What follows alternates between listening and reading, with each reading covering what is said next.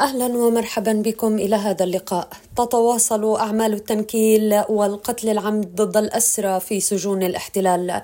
يوم أمس أعلن عن عملية اغتيال جديدة بحق الأسير عبد الرحمن البحش من نابلس في سجن مجده، وهذا ما أكدته هيئة الأسرى مشيرة إلى أنه كان اعتقل في الحادي والثلاثين من أيار مايو من العام 2022 كان محكوما بالسجن لمدة 35 شهرا ليصبح الشهيد الأول في أول يوم من العام 2024 والشهيد السابع في سجون الاحتلال بعد السابع من أكتوبر.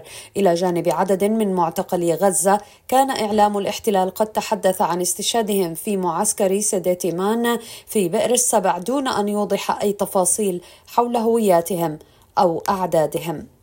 في هذا الإطار قالت هيئة الأسرى ونادي الأسير إننا وفي ضوء كثافة الجرائم التي يواصل الاحتلال تنفيذها بحق الأسرى في السجون. نحمل المسؤولية الكاملة بالإضافة إلى الاحتلال لكل القوى الدولية التي تواصل دعمه في الاستمرار بالإبادة ضد شعبنا في كل أماكن تواجده. حملة الاعتقالات اليومية التي يشنها الاحتلال طالت في اليوم الثاني من هذا العام حوالي 26 مواطنا على الأقل بينهم سيدتان وجريح. وقد رصد المواطنون صورا لشاب اعتقله جنود الاحتلال في مدينة قلقيلية جرا على الأرض بعد إصابته بالرصاص.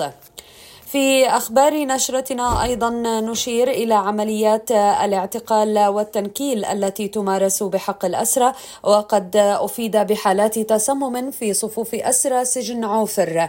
وقد تم تقديم وجبات طعام فاسده لهم وفق ما أكده محامي هيئة الأسرى بتاريخ الثامن والعشرين من الشهر الماضي إثر زيارة قام بها للأسرى. في عوفر. ظروف مأساوية داخل سجن الدامون وتنكيل بالأسيرة جنين عمر.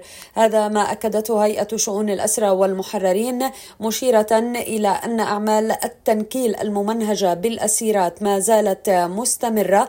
في حين أشار البيان إلى ظروف اعتقال الأسيرة خالدة جرار إضافة إلى أسيرتين من بيت لحم ليرتفع عدد الأسيرات إلى 76 بينهن 43 من قطاع غزة و18 من الضفة والبقية من القدس والداخل المحتل. بهذا مستمعينا تنتهي هذه النشرة الخاصة بأخبار الحركة الأسيرة قدمناها لحضراتكم من راديو أجيال. تحية الحرية لأسرى الحرية وتحياتي سمح نصار المجد والخلود لشهدائنا الأبرار.